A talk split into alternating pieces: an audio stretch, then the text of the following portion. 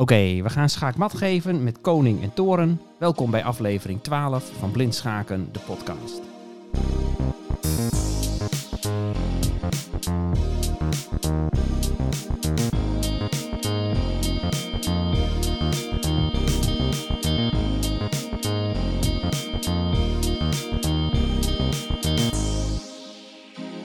En mijn naam is Jan Spoelstra. Welkom bij deze schaakcursus per podcast.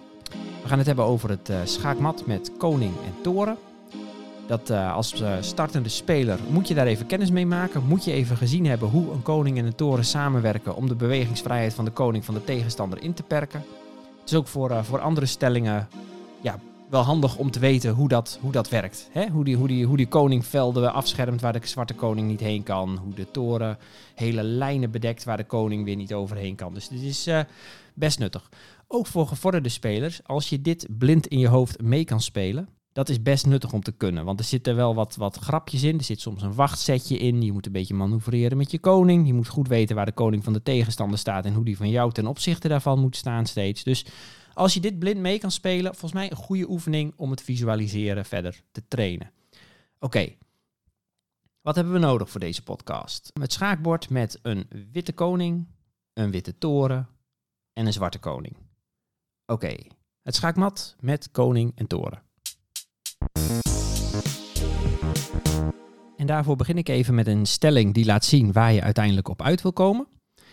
Ik zet daarvoor even de witte koning op uh, Gustav 6. Ik zet de witte toren op Anna 7. En ik zet de zwarte koning op Gustav 8. Nou, dit is dit, op, deze stelling wil je uitkomen, ongeveer. Uh, het kan ook, de koningen kunnen ook een stukje naar links of naar rechts, en de, evenals de, de toren. Het kan ook uh, symmetrisch aan alle vier de randen van het bord voorkomen. Maar dit wil je uiteindelijk hebben. Je wilt dat jouw koning tegenover de koning van die van de tegenstander staat. Je wilt dat de koning van de tegenstander aan de rand van het bord staat.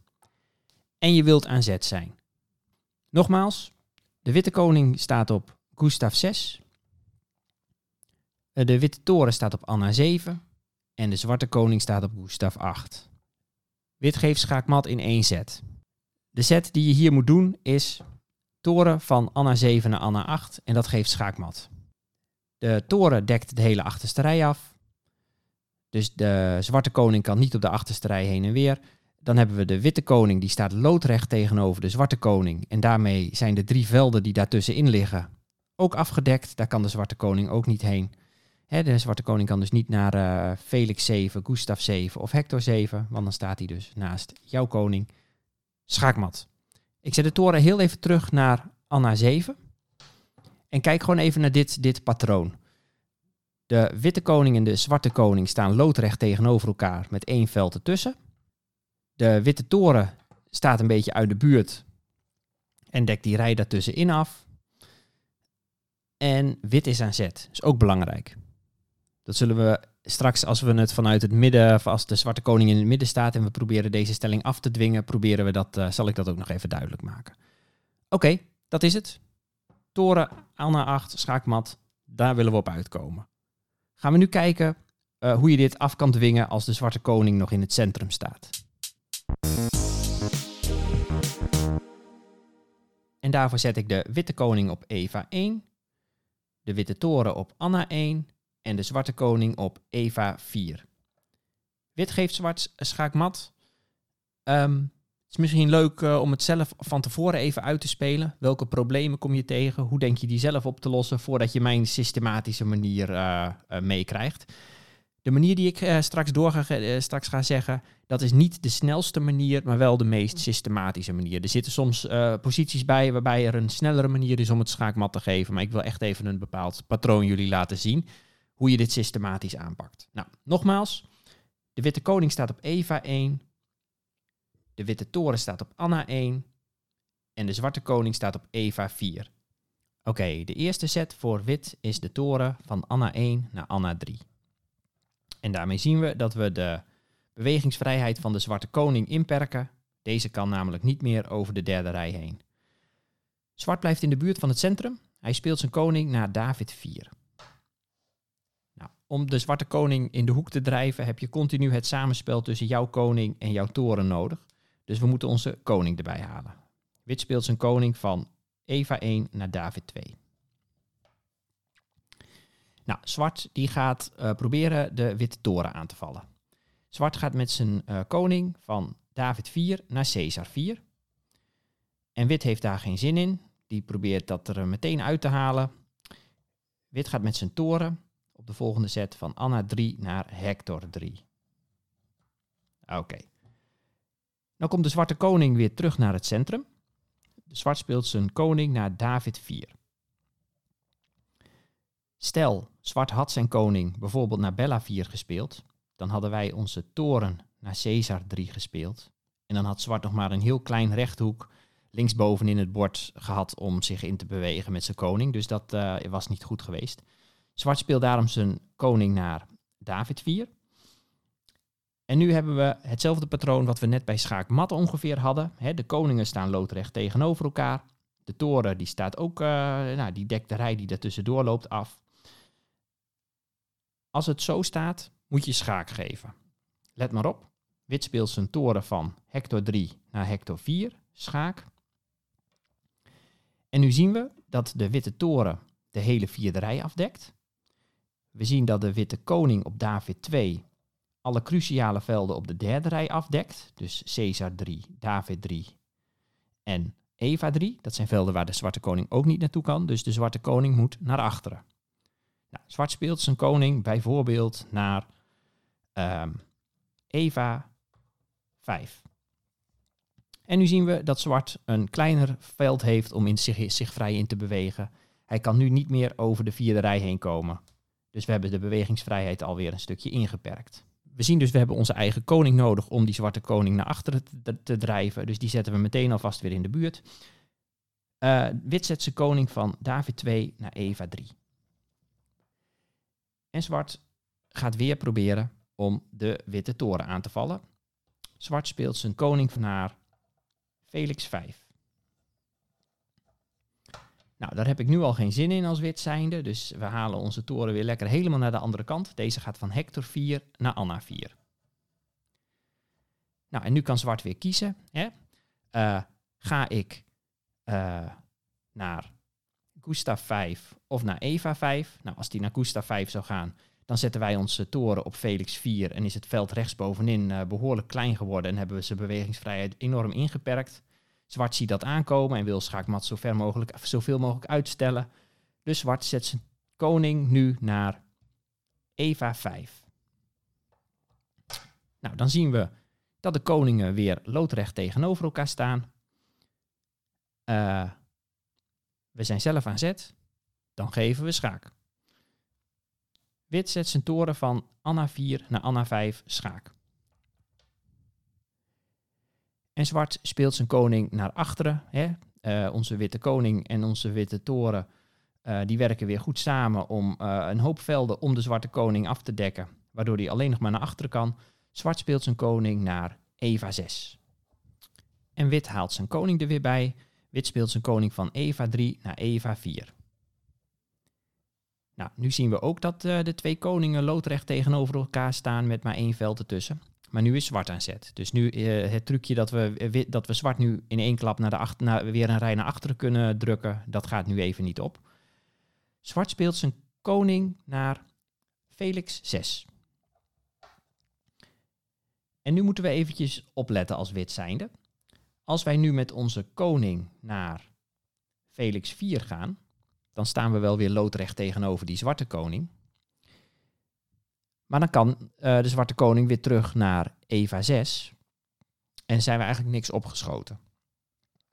We zouden eigenlijk willen dat Zwart nu een zet doet. Hè? We zouden eigenlijk willen dat Zwart nu aan zet was en zijn koning naar Eva 6 zou moeten zetten. Um, of dat Zwart met zijn koning naar de andere rand van het bord zou moeten lopen. Dus we moeten eigenlijk even een wachtzet doen. Hè, dat hebben we in eerdere podcasts al behandeld wat dat is. We moeten eigenlijk nu een, een set doen die de stelling niet wezenlijk verandert maar waardoor we zwart even de beurt geven. Daarom zet ik mijn toren van Anna 5 naar Bella 5. En nu is zwart aan de beurt. Nou, als zwart nu met zijn koning naar uh, Gustav 6 zou gaan, dan zetten wij onze toren naar uh, Felix 5. En heeft hij nog maar een, uh, een, een, een, vierkantje van, van rechthoekje van zes velden rechtsboven in het bord waar hij in, in zich vrij in kan bewegen. Dus dat zal zijn bewegingsvrijheid enorm beperken.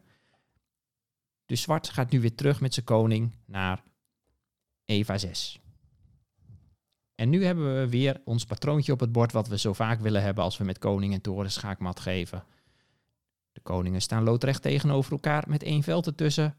We zijn zelf aan zet. Nu kunnen we schaak geven. We spelen de toren van Bella 5 naar Bella 6 schaak.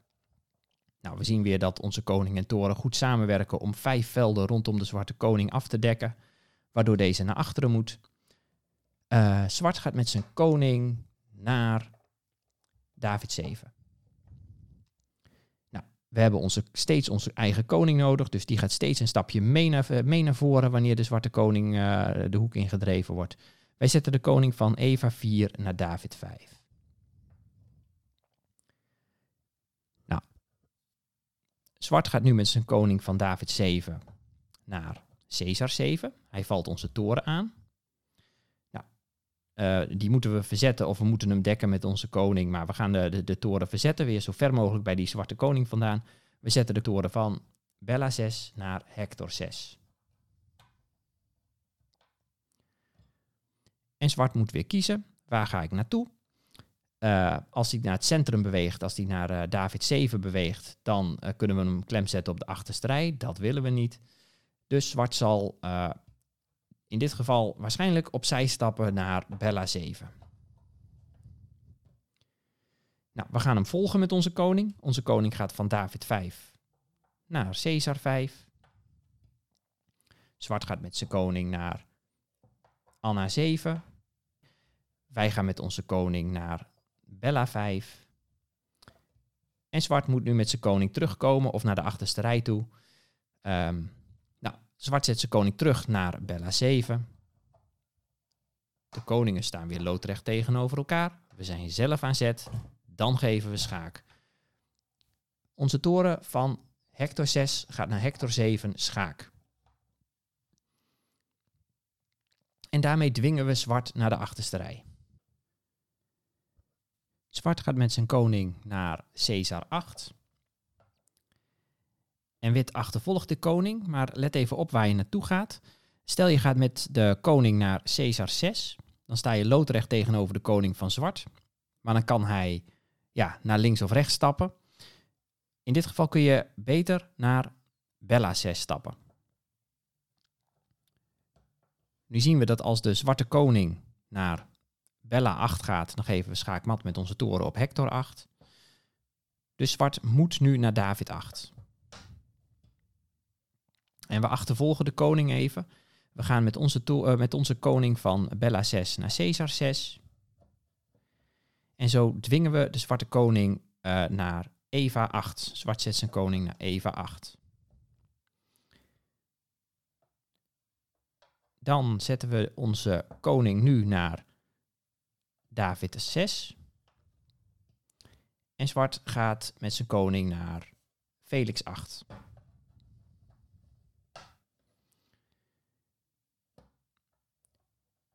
Nu zet zwart zijn, of nu zet wit zijn toren op Anna 7.